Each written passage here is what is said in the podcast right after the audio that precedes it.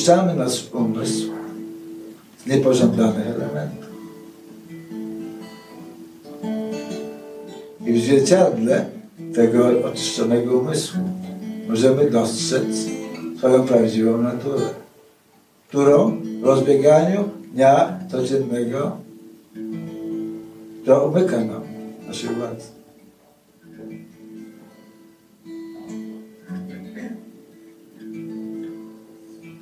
Dlatego, że mamy tylko jeden umysł. Jeśli ten umysł nie znajdzie się pod kontrolą inteligencji, to będzie ją kontrolował.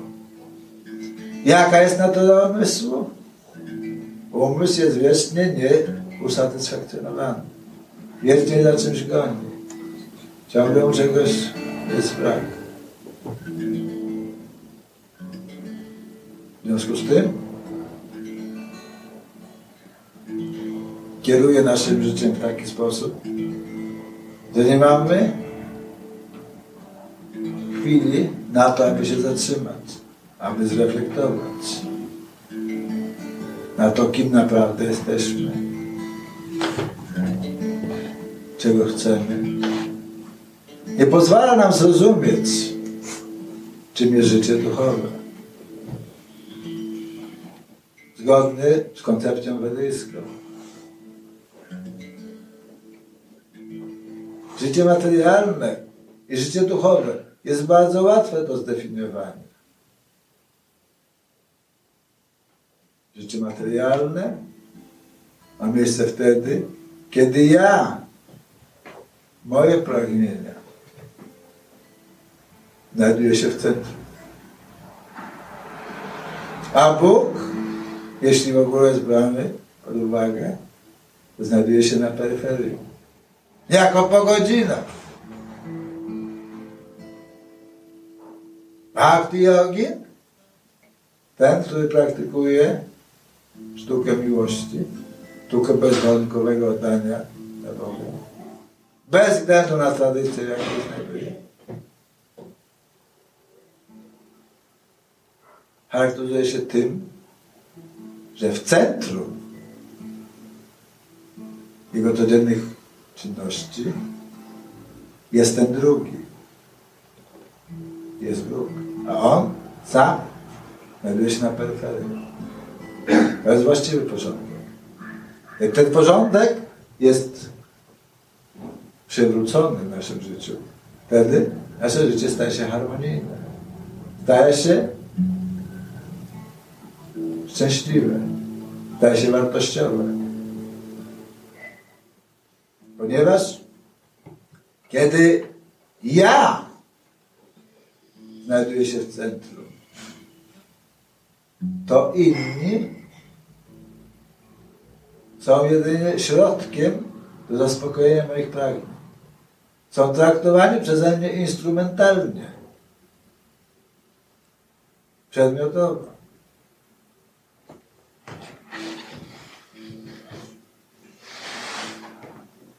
Nie ma w tym miłości. Jest jedynie chęć eksploatacji drugiego. To wszystko rezultuje w tym,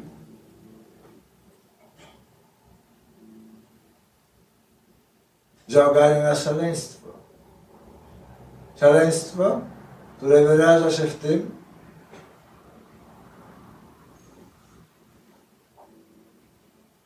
że nie szanujemy naszej matki. Nie szanujemy naszej matki ziemi. Oczywiście nikt z nas, kto jest zainteresowany jogą, nie może nazwać się joginem, jeśli je mięso. Pierwsza zasada wszelkiej jogi ahimsa. Niecznienie krzywdy żadnym innym żywym istotom. Tak więc jogin, który poważnie traktuje to, co robi, powinien zostać wegetarianinem. A przynajmniej Weda powiada, jeśli pragnienie spożywania mięsa jest tak silne, że nie może się powstrzymać, powinien sobie pójść do lasu, zrobić łuk, strzały i upolować coś. Natomiast jeśli bierze udział w rzezi na wszechświatową skalę, skalę, która nie zna żadnych granic, która powoduje nieskończone cierpienia innych żywych istot, tylko w tym celu, aby za, zaspokoić własne podniebienie,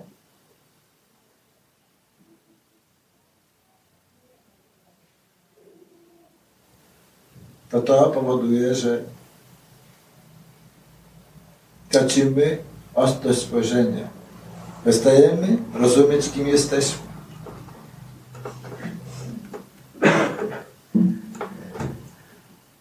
Tracimy szansę na osiągnięcie tego, czego tak bardzo każdy z nas pragnie. Osiągnięcie szczęścia, na życie w harmonii. Oczywiście racjonalizujemy sobie nasze zachowanie na różne sposoby. Ale Wtedy powiadają, że Bóg przebywa w sercu każdego. Jako świadek. A w naszej cywilizacji zachodniej powiadamy, znajduje się on pod postacią sumienia. Każdy z nas swoim sercu wie, czym jest zło i czym jest dobro. Ktoś mnie może oszukać, ale nie może oszukać samego siebie. Jest człowiek, który ma nieczyste sumienie. Nie może być szczęśliwy. W związku z tym bardzo ważnym elementem wszelkiej jogi od zawsze, a jogi w czasach dzisiejszych jest to, aby mieć tą właściwą perspektywę na to, czym jest właściwe działanie zgodne z naszymi prawdziwymi interesami.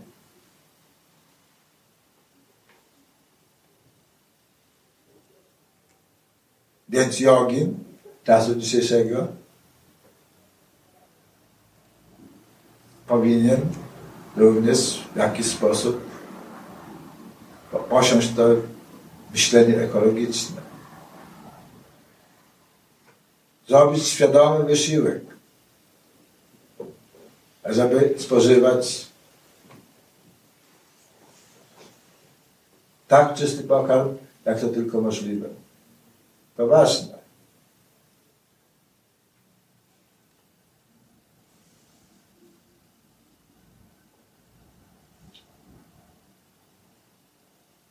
Modlitwa do Boga, której nie ma miejsca dla naszych braci, zwierząt i roślin,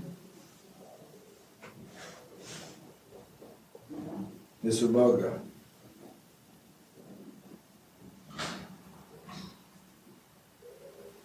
Natomiast naszym obowiązkiem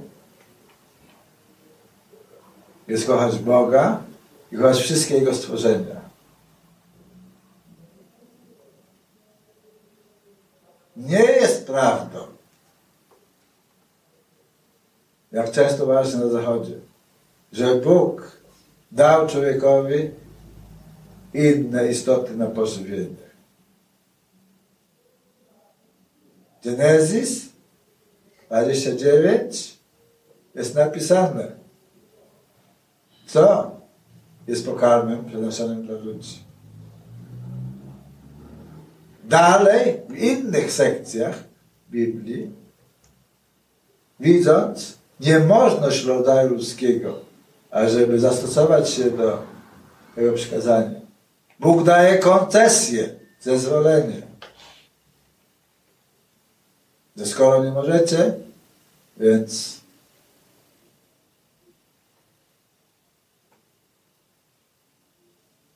jeśli musicie, to, to musicie.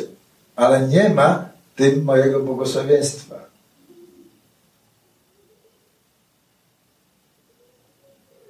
To, co jest w Genesis 29, jest istotne. Dlatego warto jest, aby mieć to wszystko na uwadze i,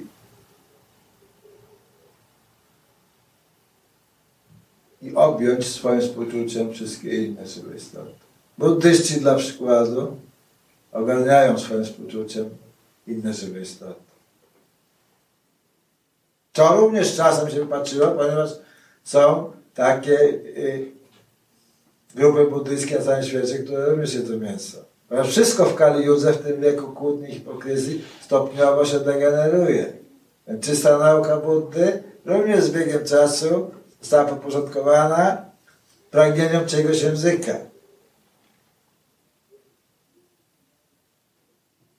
Te osoby, które zdobyły wpływy w tych ugrupowaniach, narzuciły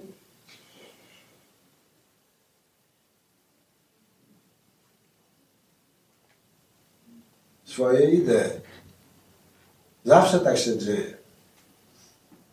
Więc i my w swoim ogóle myślimy również, że rzeczą zupełnie naturalną jest, żeby produkować masę mięsną, budować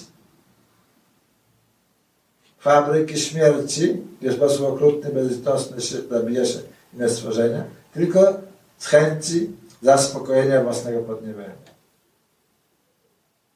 Do czego nie jesteśmy przystosowani? Bo nawet nie mamy do tego warunków. Nie mamy kłów, nie możemy, nie możemy mieć surowego mięsa. To nie jest naturalny pokarm istot ludzkich.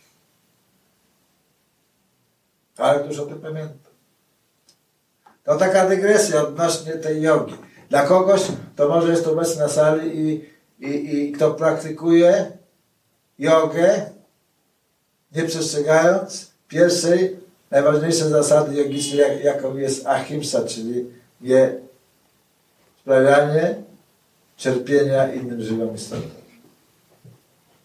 Moja misja między innymi polega na tym, aby przypominać o tych sprawach. Nie jestem naiwny, daję sobie sprawę z tego, że życie jest skomplikowane. Jesteśmy plątani w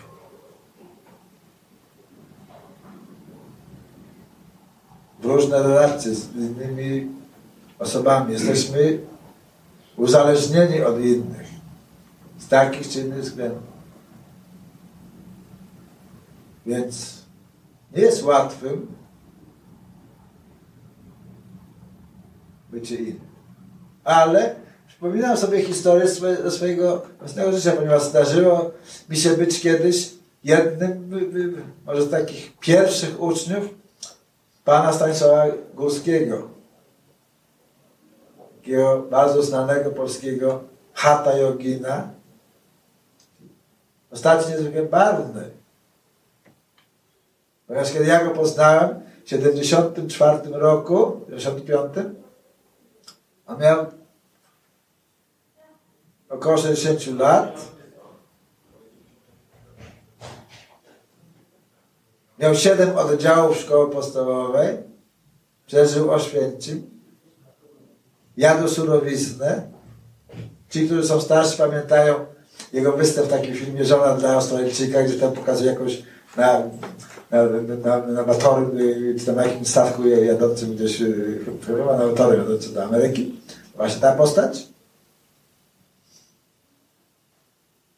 Który był jednym z moich pierwszych nauczycieli. Zajmowałem się hatha jogą. I o którym, z którym straciłem przez wiele lat kontakt. Będąc w Szwecji, zobaczyłem w telewizji nagle program o 95-letnim bodaj joginie, który właśnie pisał doktorat z jogi, czyli rozpoczął swoje życie, mając inne życie, mając ponad 60. Co pokazuje, że wszystko jest możliwe, jeśli powstaje pragnienie, właściwe pragnienie.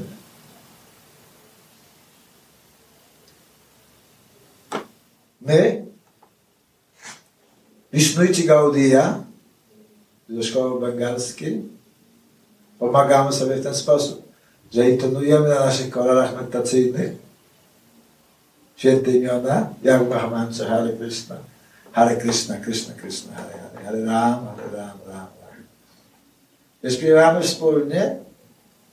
Imiona Hare, że jesteśmy wegetarianami,